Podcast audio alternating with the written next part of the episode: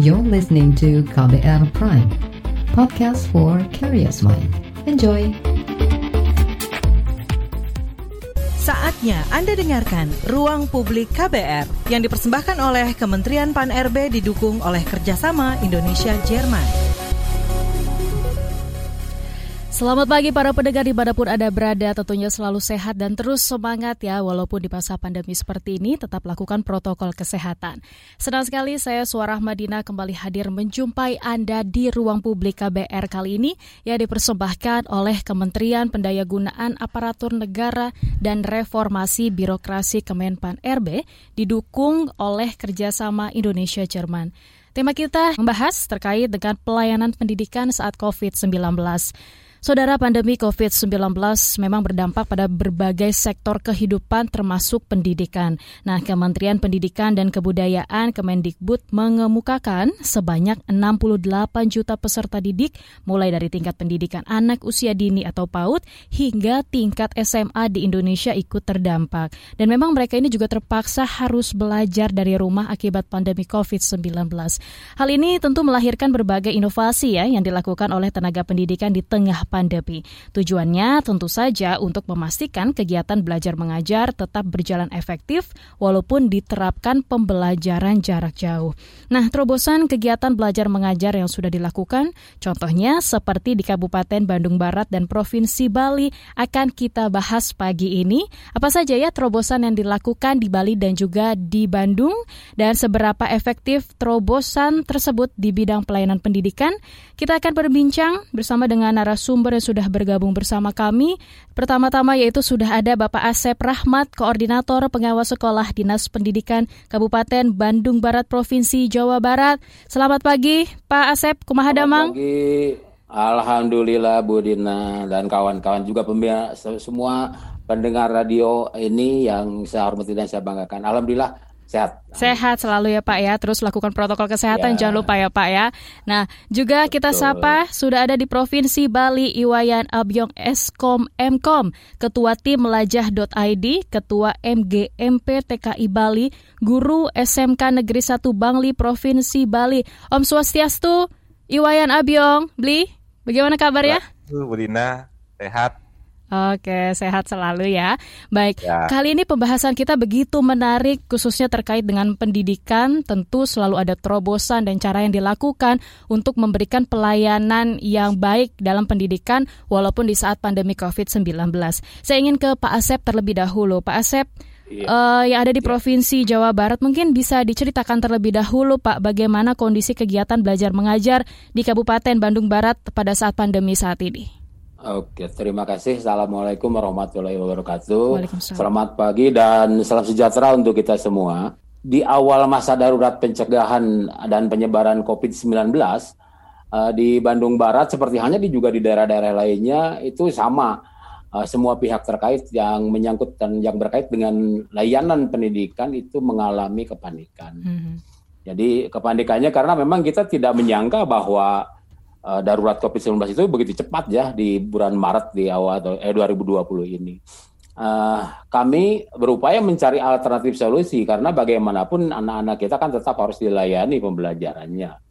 Ya, nah harus inilah yang mungkin pada waktu gitu itu ya, Pak. Uh, agak hmm. sedikit uh, betul karena uh, kita kita punya komitmen baik di undang-undang maupun di kebijakan-kebijakan yang terkait bahkan dalam uh, ukuran internasional bahwa pendidikan itu kan untuk semua. Jadi hmm. kita harus mencoba melayani itu.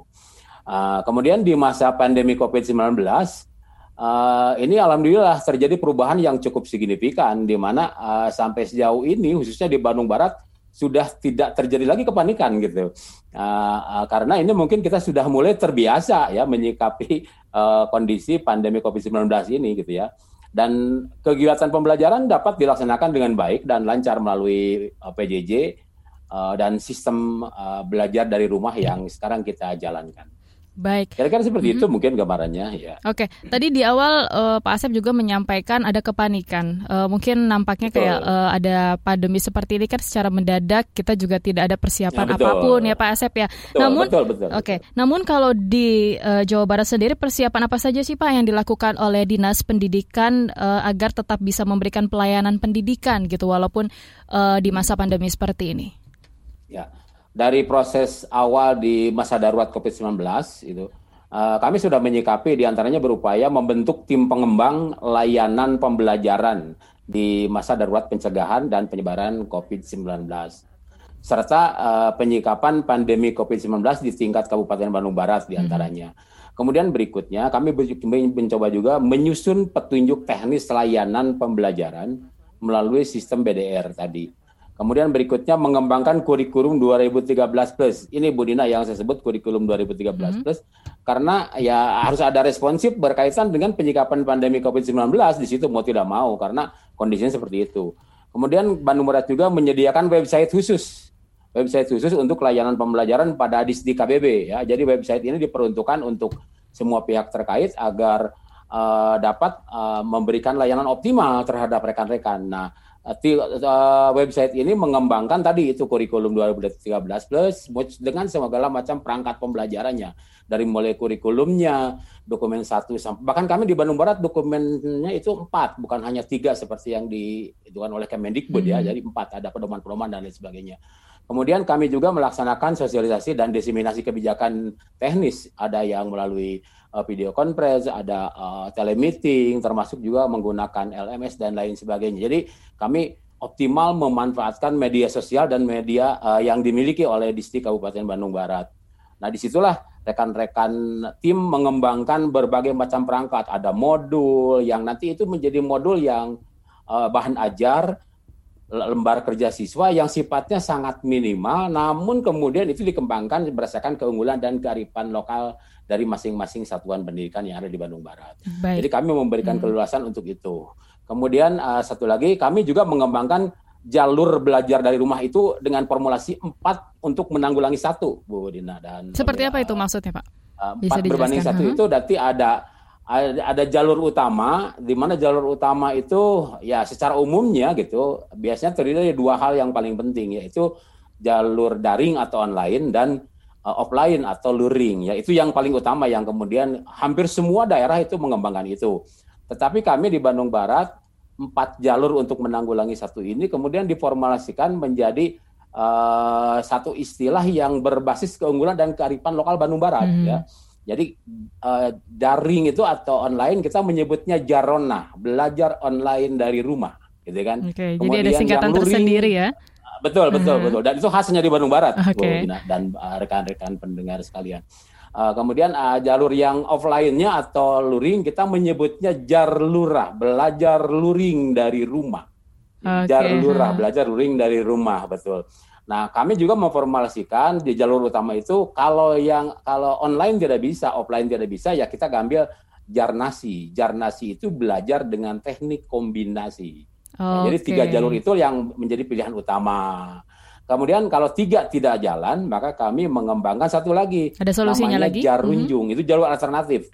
Ah betul, Jarunjung, Jarunjung atau Jarmunjung. Itu singkatan dari belajar dengan guru kunjung. Oh, atau jadi, kalau tidak hmm, seperti kalau jemput tidak, bola gitu ya, Pak ya? Tidak, jar, Ya betul betul hmm. karena karena kami tidak ingin ada anak yang tadi itu yang menghindari satu itu gitu ya.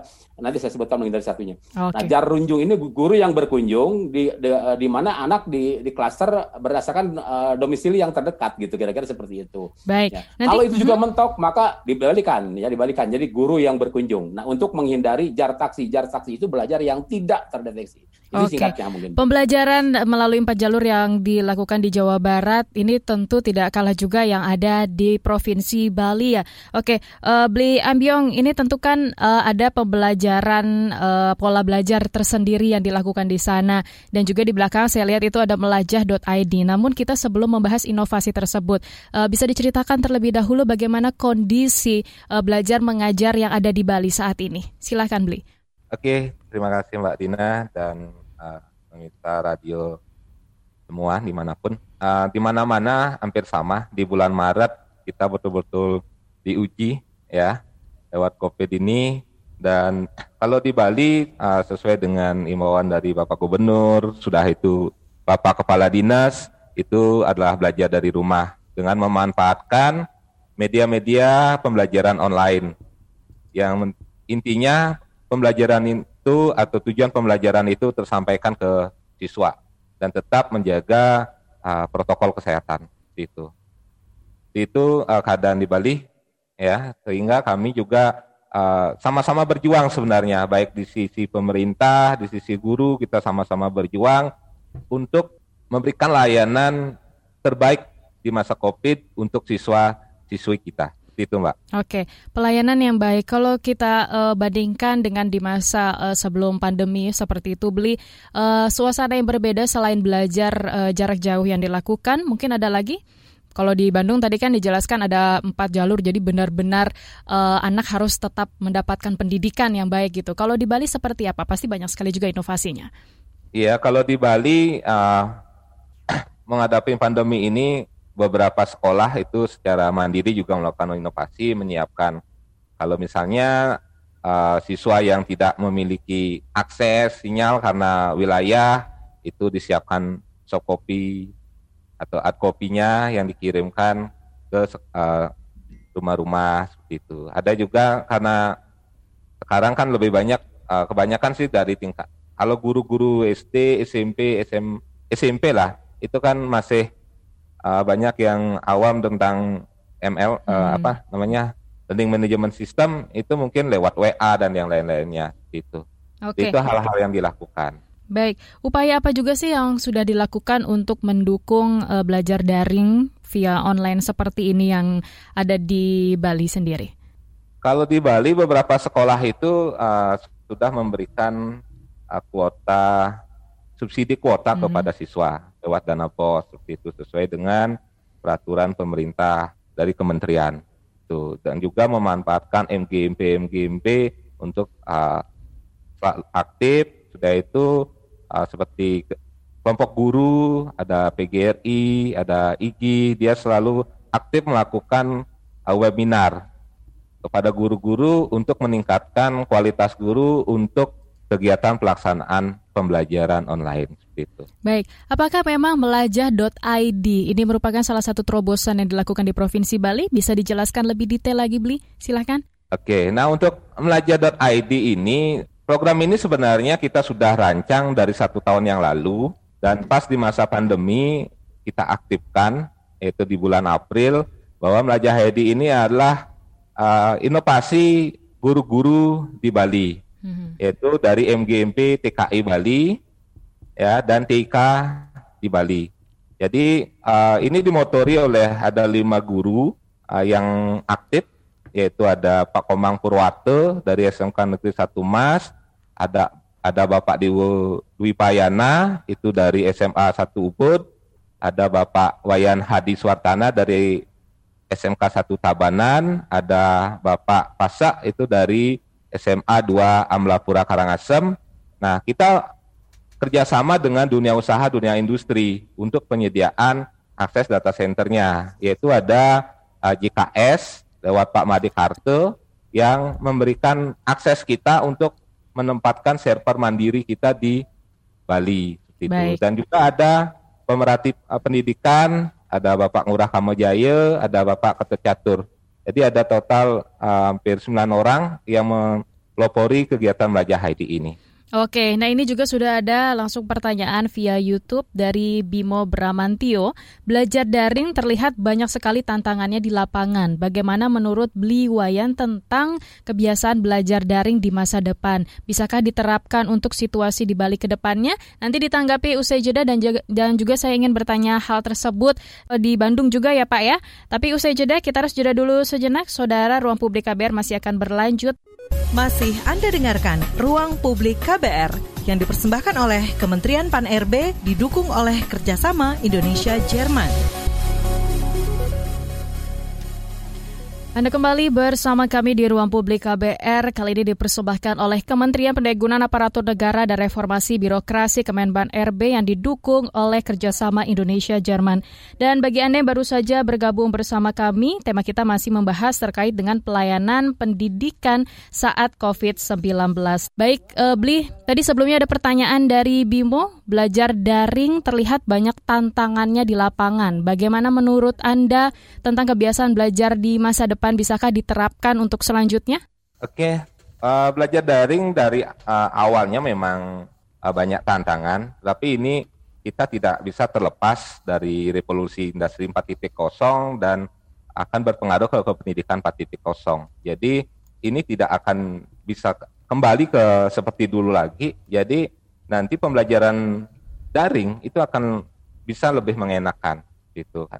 Dan untuk itu perlu dia lakukan kerjasama antara pemerintah, guru, MGMP untuk selalu mengupdate ya selama eh, sama-sama untuk selalu mengupdate di mana sih sisi uh, kesulitannya seperti itu. Apakah di sisi guru kita perlu melakukan webinar, pelatihan-pelatihan seperti itu. Misalnya dari infrastruktur, jadi perlu dukungan dari pengusaha-pengusaha atau industri-industri atau vendor-vendor untuk menyiapkan sarana, misalnya sarana layanan uh, akses internet di mana-mana seperti itu. Dan guru menyiapkan konten itu. Dan nanti ke depan sistem daring dan face to face atau tatap muka itu akan tetap dilakukan atau istilahnya kalau di pendidikan itu adalah blended learning. Hmm. Jadi guru terlebih dahulu akan mengupload media-media pembelajarannya lewat online, dipelajari sama siswa, besoknya di kelas itu cukup uh, menyelesaikan kasus-kasus yang ditemui oleh siswa. Oke, jadi ada evaluasi gitu ya yang dilakukan.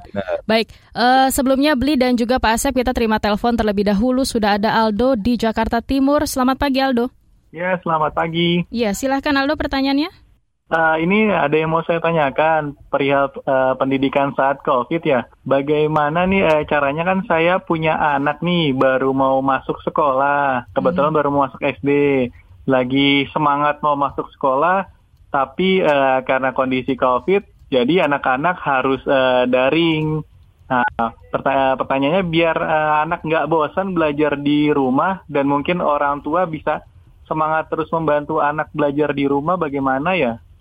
Oke, terima kasih Aldo sudah bergabung bersama kami dari Jakarta Timur. Pak Asep, mungkin bisa disampaikan juga ya. kalau pengalaman selama di sana nih Pak di masa pandemi yang sudah berbulan-bulan gitu, tentu kan ini menjadi kebosanan tersendiri uh, yang dirasakan Benar. gitu. Apalagi ini Pak Aldo anaknya juga baru menuju mau kelas 1 SD gitu ya, ya pengen semangat sekolah. Bagaimana kalau di sana Pak? Silakan. Terima kasih uh, Aldo ya juga telah telah bertanya tadi sebagaimana kami alami di Bandung Barat khususnya dan di saya pikir juga di seluruh Indonesia ya yang paling rentan untuk uh, sistem terselenggaranya layanan pembelajaran di era COVID-19 ini adalah justru untuk anak kelas 1 gitu ya. Kalau anak kelas 2 ke atas, paling tidak mereka kan sudah kenal dengan guru, sudah kenal dengan lingkungan sekolah. Nah, seperti yang tadi Aldo sampaikan, uh, di posisi kelas 1 ini kan bel belum sama sekali mengenal uh, pendidikan itu. Makanya di kami ada uh, jalur alternatifnya, uh, Saudara Aldo, yaitu dengan mm -hmm. sistem yang tadi saya sebut jalur alternatif. Jadi jarunjung di mana guru yang belajarnya itu berkunjung gitu ya untuk anak-anak yang kelas 1. Uh, walaupun mungkin uh, di awal di awal pendaftaran dan juga di awal pengarahan-pengarahan yang harus dilakukan oleh kesatuan pendidikan oleh sekolah kami mengundang juga orang tua muridnya tanpa harus membawa anaknya gitu. Nah di situlah dijelaskan berbagai macam uh, cara dan teknis yang bisa ditempuh uh, berkaitan dengan layanan pembelajaran terhadap anak kelas 1 nih terutama kalau yang anak-anak kelas tinggi kan masih mending gitu ya. Nah di situ tetap kami melaksanakan protokol COVID-19. Misalnya pemanggilan orang tua murid itu ya terbatas hanya maksimal lima orang ber, bertahap uh, terjadwal begitu lah kira-kira ya. Nah sehingga nanti Uh, selain itu tadi uh, kami juga mengadakan layanan yang disebut dengan uh, tadi yaitu belajar dengan teknik guru kunjung yang berkesulitan sama sekali kalau tidak Baik. bisa uh, daring. Hmm. Pak Asep, uh, kalau memang ada jemput bola yang dilakukan dari uh, pengajar sendiri, tentu ada protokol ya. juga yang dilakukan ya Pak oleh mereka ya Pak. Persis. Atau sebelumnya ada pelatihan tersendiri dulu nggak sih? Apa mereka tetap uh, mengajar seperti biasa saja berkunjung? Uh, ya, ya betul berkunjung. Syarat yang pertama ketika ketika uh, belajar dengan guru kunjung ini adalah harus ada persetujuan dari tim satgas covid hmm. uh, uh, Bu Dina ini. Jadi uh, satgas covid yang paling rendah lah minimal di tingkat uh, desa itu uh, diminta izin tertulisnya gitu. Namun pada pada kenyataannya kecenderungan itu tingkat desa nggak berani juga mengizinkan berkait itu. Jadi ujungnya tetap uh, di satgas covid tingkat kabupaten ya. Nah, tapi secara prinsip sepanjang memenuhi protokol COVID-19 tadi jumlahnya terbatas, kemudian uh, mengikuti protokol COVID dengan uh, jaga jarak dan lain sebagainya termasuk memakai masker itu alhamdulillah bisa jalan dengan ya cukup efektif lah. Baik. Uh, dan prosesnya gitu dan proses pembelajaran juga uh, ketika berkunjung juga tetap ada ada menggunakan kombinasi. Jadi ada yang meminta daring tapi minimal dengan bertemu dengan hmm. mereka itu ada ada solusi lah kira-kira. Oke, yang penting inovasinya ini nampaknya bisa menjadi contoh juga di daerah lain gitu ya Pak. Baik, kita terima telepon uh, kembali. Mudah Sudah ada Pak Helon di Waingapu NTT. Pak Helon. Selamat pagi. Ya, Mbak selamat Manina. pagi. Silahkan Pak pertanyaannya. Ya, salam sehat untuk Bapak narasumber. Pandemi COVID-19 ini kita belum tahu kapan dia uh, berakhir tapi ya dunia pendidikan sudah berani menempuh uh, pendidikan uh, daring dan luring. Uh, tentu sistem pendidikan ini uh, tentu banyak tantangan.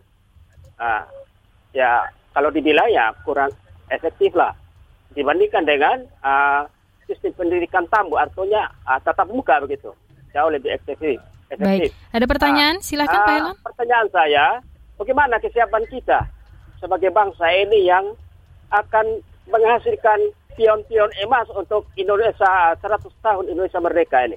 Mungkin itu saja pertanyaan saya untuk narasumber. Baik, terima kasih Pak Helon. Terima kasih sudah bergabung bersama kami dari NTT. Nah, ini bagaimana kesiapan kita yang akan menghasilkan pion-pion emas gitu. Karena memang pendidikan ini kan begitu penting untuk kesuksesan bangsa kita juga. Silahkan ditanggapi. Mungkin dari Pak Asep terlebih dahulu. Oke. Pak Elon, terima kasih pertanyaannya. Uh, justru kalau kita ngomong, uh, kita berbicara tentang maksimalisasi, ya memang tidak akan terjadi itu ya. Karena dengan berbagai macam keterbatasan, tapi paling tidak kita berupaya secara optimal bagaimana kita menyelenggarakan layanan pembelajaran uh, untuk anak-anak kita tercinta. Iya sih, diakui banyak sekali hambatan dan tantangan seperti yang telah uh, tadi disampaikan. Nah, kita mencoba bahwa misalnya Kemendikbud sendiri memberikan satu kebijakan di mana bahwa kita tidak lagi terjebak dengan target kurikulum hmm. misalnya. Tetapi bagaimana kita bisa memberikan layanan yang seoptimal mungkin yang dapat dilakukan oleh seluruh unsur baik itu pendidik, tenaga kependidikan dan termasuk orang tua murid. Baik. Jadi kata kuncinya ya kita perlahan tapi pasti ya bersabar tapi intinya kita berikan layanan yang sedapat mungkin dilakukan oleh semua pihak terkait. Baik, uh, Bli uh, kita kembali lagi ke Bali. Bli kalau misalnya tadi kan diperkenalkan ada layanan melajah.id ya dihadirkan di sana. Nah, itu kan diperuntukkan bagi SD sampai SMA gitu ya Bli ya. Mungkin bisa ya, dijelaskan ya, seperti apa sih fitur-fitur yang dihadirkan di aplikasi tersebut? Oke, uh, untuk melajah ID ini adalah uh, salah satu LMS yang kita kembangkan dari Moodle sebenarnya. Ada beberapa fitur dan fasilitas yang diberikan kepada sekolah. Saya uh, bahas dulu fasilitasnya. Mm -hmm. Jadi uh, kita Melajah HID memberikan fasilitas ke sekolah itu adalah e-learning mandiri. Jadi satu sekolah, satu aplikasi e-learning. Sudah itu kita memberikan uh, fasilitas VPS, Virtual Private Server. Jadi satu sekolah itu memiliki satu blok server di data center Melajah ID. Sudah itu memberikan keamanan data. Yang lagi satu adalah pre-access. Jadi kita kerjasama dengan beberapa provider untuk akses ke Melajah ID, semua subdomain itu adalah free. Yang sudah memberikan kita itu ada Telkomsel, sudah itu Indosat, dan ada dukungan dari Smartfren juga untuk akses free ke Melajah ID. Itu. Nah, fitur-fitur yang kita berikan uh, itu adalah kelas online, sudah itu tes online, administrasi pendidikan secara online, itu baik itu absensi kepada guru, sudah itu untuk BK juga guru BK, itu bisa melihat log siswa, baik itu yang live, secara langsung atau tidak langsung, mereka sudah belajar sampai di mana, apa yang dipelajari itu bisa juga itu. Dan yang terakhir itu ada fasilitas backup dan restore konten at kelas. Jadi kalau misalnya di salah satu sekolah itu konten pembelajarannya lengkap, gurunya bagus, itu bisa dikopi ke sekolah yang lain. Gitu. Jadi berbagi di sini. Jadi nantinya tidak ada lagi guru yang atau sekolah yang kekurangan konten pembelajaran. Baik. Jadi sistem pendidikan itu akan merata jadinya. Hmm, pendidikan yang merata dan juga nanti saya ingin bertanya seperti apa respon dari pengajar dan juga siswa yang sudah uh, memiliki melajah.id ini. Namun kita terima telepon sebelum break sudah ada Taufik di Biak Papua. Halo Taufik. Halo Taufik. Halo, selamat pagi. Oke, selamat uh, pagi. Taufik, huh? singkat saja karena kita harus jeda sejenak ya. Silahkan Taufik pertanyaannya. Ibu, Ibu Perton, selamat pagi. Saya mau tanya, uh, pelajaran di online ini kami belum mendapatkan data-data yang valid. Maksudnya, uh, sini saatnya guru-guru kurang uh, perhatikan kami anak-anak murid seperti begitu. Oke, okay, baik. Pagi. Dan baik. saya minta supaya sekolah-sekolah ini harus uh, mempunyai guru-guru yang mem, mem, uh, praktek les setiap saat di sore hari. Oke. Okay. Baik, terima, terima kasih. kasih Taufik sudah bergabung bersama kami di Biak Papua dan Saudara Ruang Publik KBR masih akan berlanjut. Masih Anda dengarkan Ruang Publik KBR yang dipersembahkan oleh Kementerian Pan-RB didukung oleh kerjasama Indonesia-Jerman. Terima kasih Anda masih setia bersama kami di Ruang Publik KBR. Kali ini dipersembahkan oleh Kementerian Pendayagunaan Aparatur Negara dan Reformasi Birokrasi didukung oleh kerjasama Indonesia Jerman. Bagi Anda baru saja bergabung, tema kita masih membahas terkait dengan pelayanan pendidikan saat COVID-19. Baik, eh, Pak Asep dan juga Bli Wayan tadi sebelum kita ya. menanggapi pertanyaan dari Pak Taufik di Biak Papua, sudah ada penelpon kembali Aika di Bekasi. Selamat pagi Aika. Selamat pagi. Ya, silahkan Aika. Aika di Bekasi. Sekarang aku kelas 2 SMP dan mm-hmm. sebenarnya udah bosen banget sekolah daring. Ya, terus? Kalaupun mau uh-huh. kalaupun mau daring, harusnya pemerintah menyediakan fasilitas yang layak khususnya internet. Oke. Terus selanjutnya Aika? Ada pertanyaan? Makasih. Oke, ya. berarti hanya tanggapan saja. Aika ini sekarang udah kelas 2 SMP. Kayaknya memang anak-anak tidak hanya kelas 1 saja, Pak. Tadi sebelumnya uh, ada pen, uh, penanya sebelumnya, tapi juga Aika yang sudah kelas 2 saja ini bosan banget di sekolah. Seharusnya pemerintah bisa menyediakan fasilitas yang lebih nampaknya lebih mudah gitu yang dijangkau. Nah, tadi juga sebelumnya ada Pak Taufik, pelajaran di online kami belum dapat data yang valid. Mungkin uh, seperti contoh aplikasi yang ada di uh, Bali, Beli Nah, tadi kan uh, seperti melajah.id. Uh, mungkin bisa diceritakan terlebih dahulu sejauh ini uh, dari aplikasi tersebut, program itu apakah sudah menghadirkan data-data yang valid juga atau mungkin kemudahan adakah kendala-kendala uh, yang dialami selama ini? Silahkan beli. Oke, terima kasih Mbak. Uh, mungkin ini terkait dengan Pak Taufik yang tadi ya. Memang uh, yang paling susah itu bagaimana sih memonitoring guru dan siswa itu aktif atau tidak gitu. Nah itu berawal dari itulah kami uh, para guru di Bali berinovasi membangun Melajah ID ini.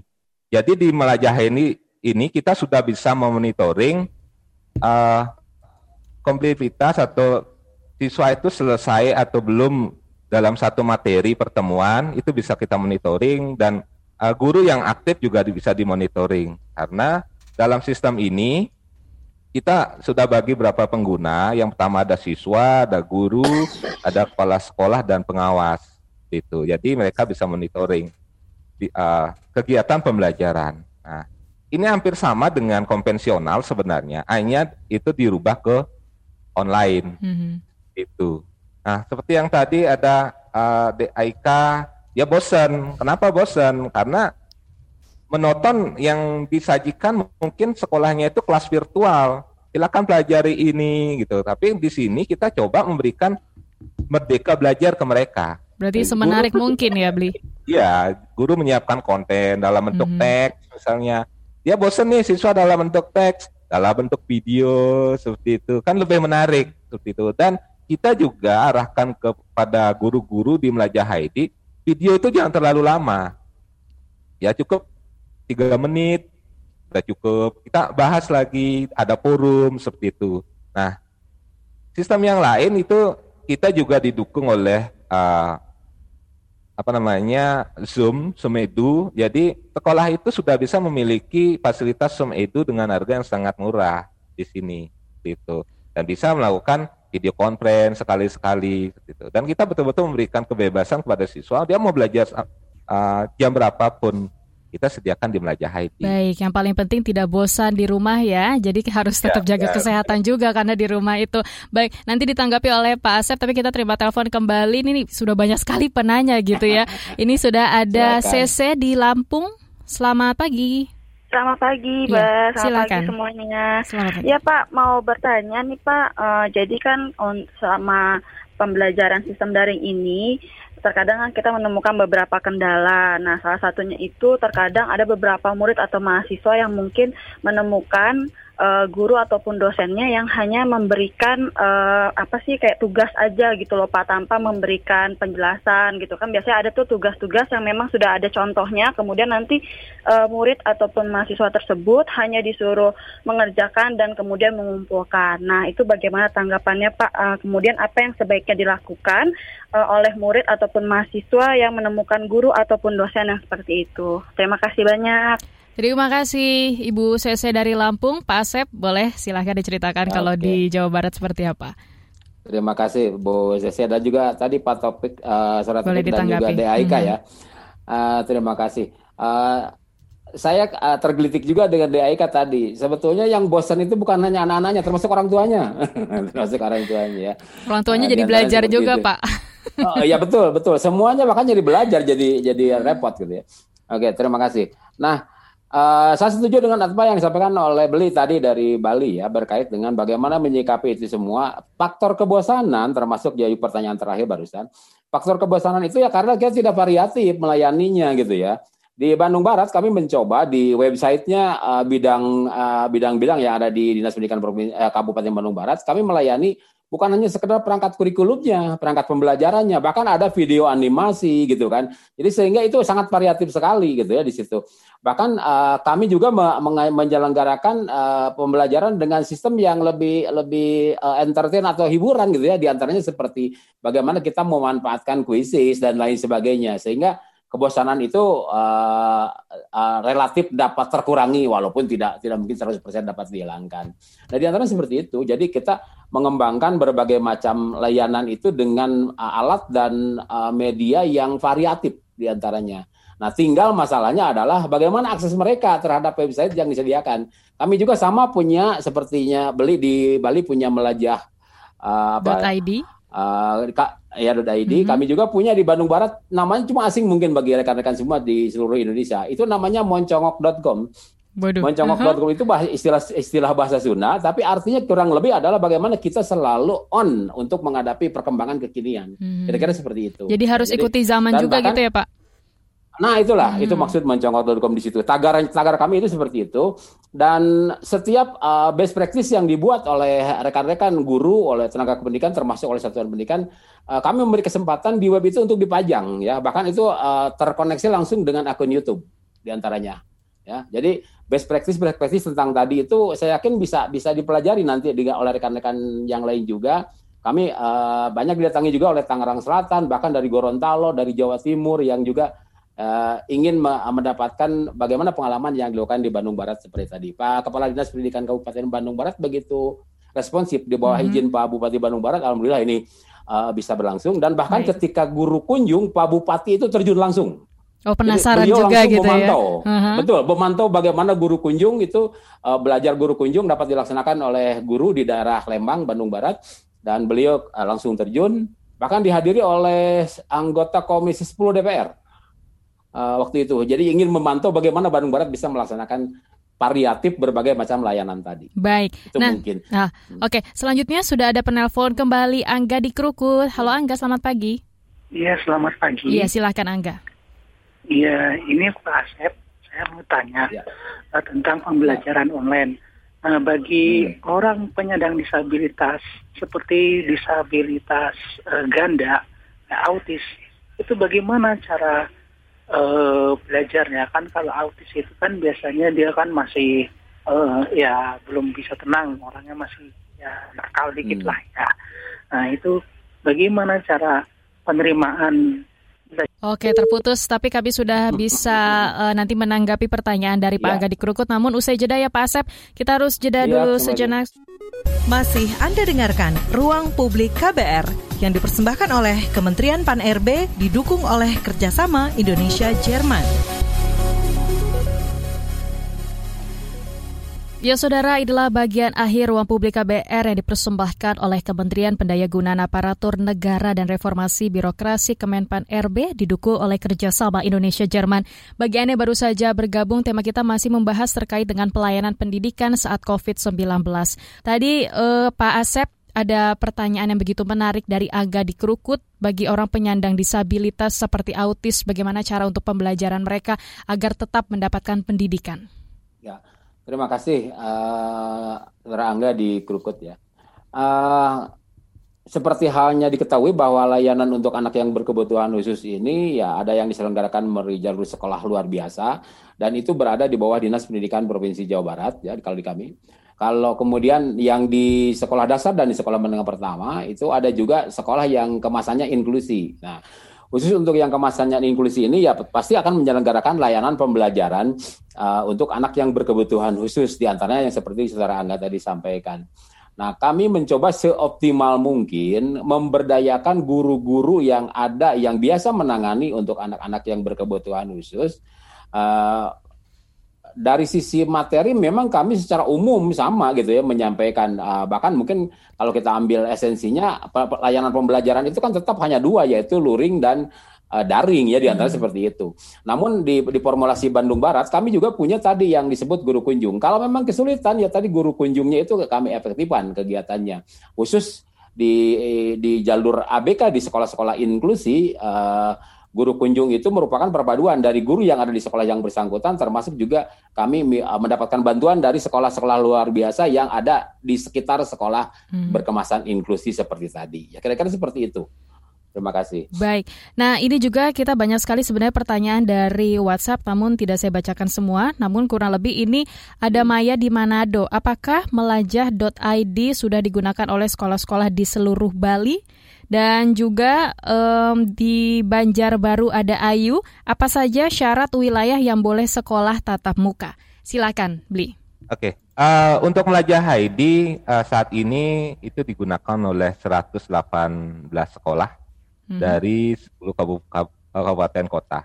Jadi kita masih uh, terbatas karena kita prioritaskan untuk sekolah-sekolah yang memang infrastrukturnya di sekolah itu kurang memadai gitu dan siswanya itu uh, paling banyak adalah seribu. Jadi kalau di atas seribu berarti sekolah itu uh, sudah mampu untuk menyediakan fasilitas karena ini kita berikan ke sekolah itu adalah free. Jadi kita tidak memungut biaya ke sekolah, tapi kita membutuhkan kerjasama dari uh, dunia industri, uh, dunia industri untuk mendukung ini. Itu jadi Melajah ID ini itu didukung oleh donasi-donasi dari pemerhati pendidikan di Bali gitu. Dan ini memang kita saat ini baru bisa uh, kita lakukan di Bali.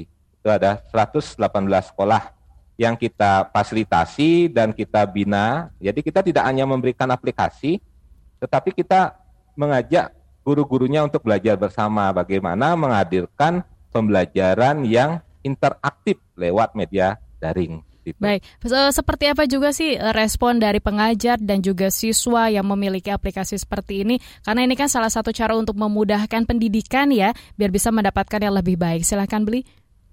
Oke, uh, respon sangat baik. Uh, pertama di bulan April kita target itu 50 sekolah. Hmm.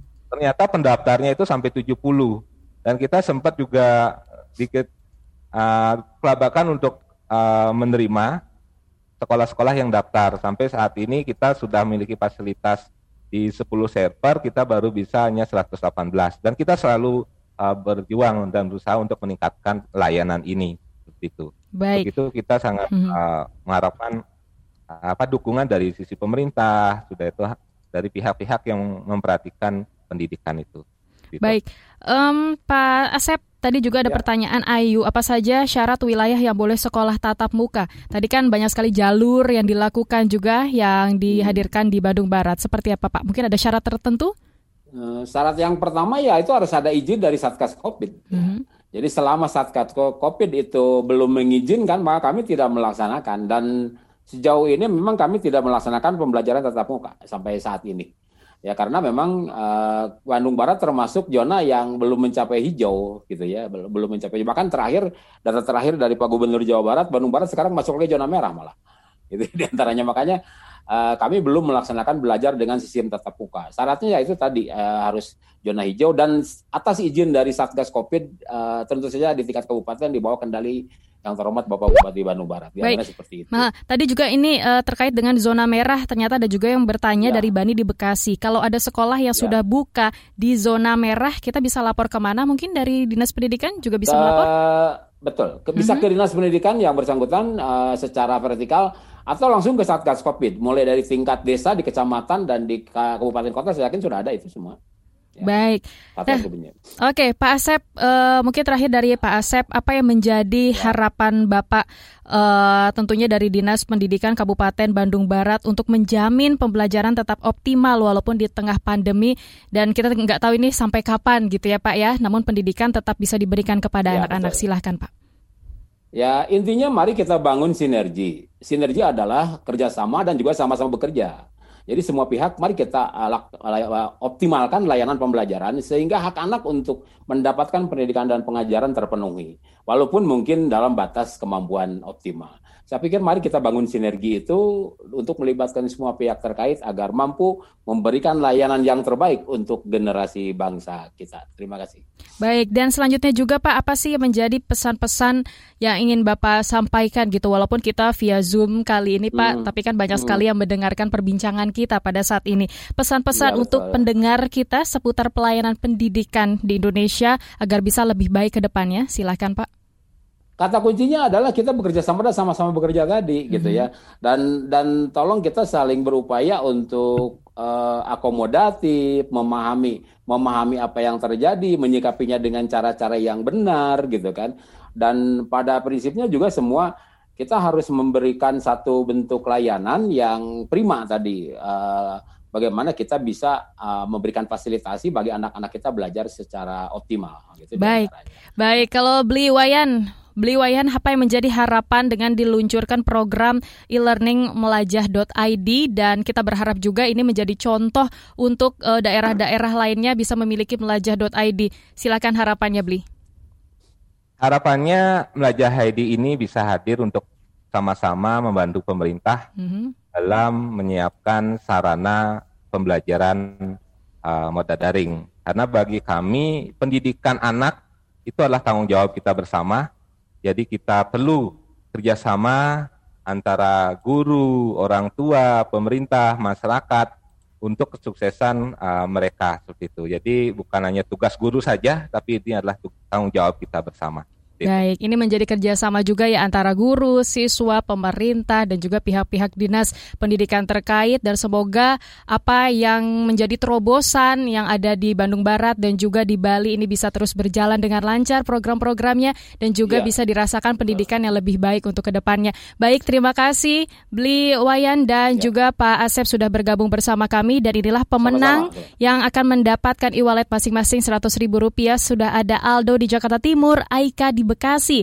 CC di Lampung, Taufik di Papua, Muhammad Rafli via YouTube dan juga Dewa Dwi Payana via YouTube. Dan bagi yang menang bisa hubungi di 08788 7685 356 untuk lebih lanjutnya. Terima kasih atas kebersamaan Anda di Ruang Publik KBR pada perbincangan kita kali ini. Saya Suara Madina undur diri. Salam.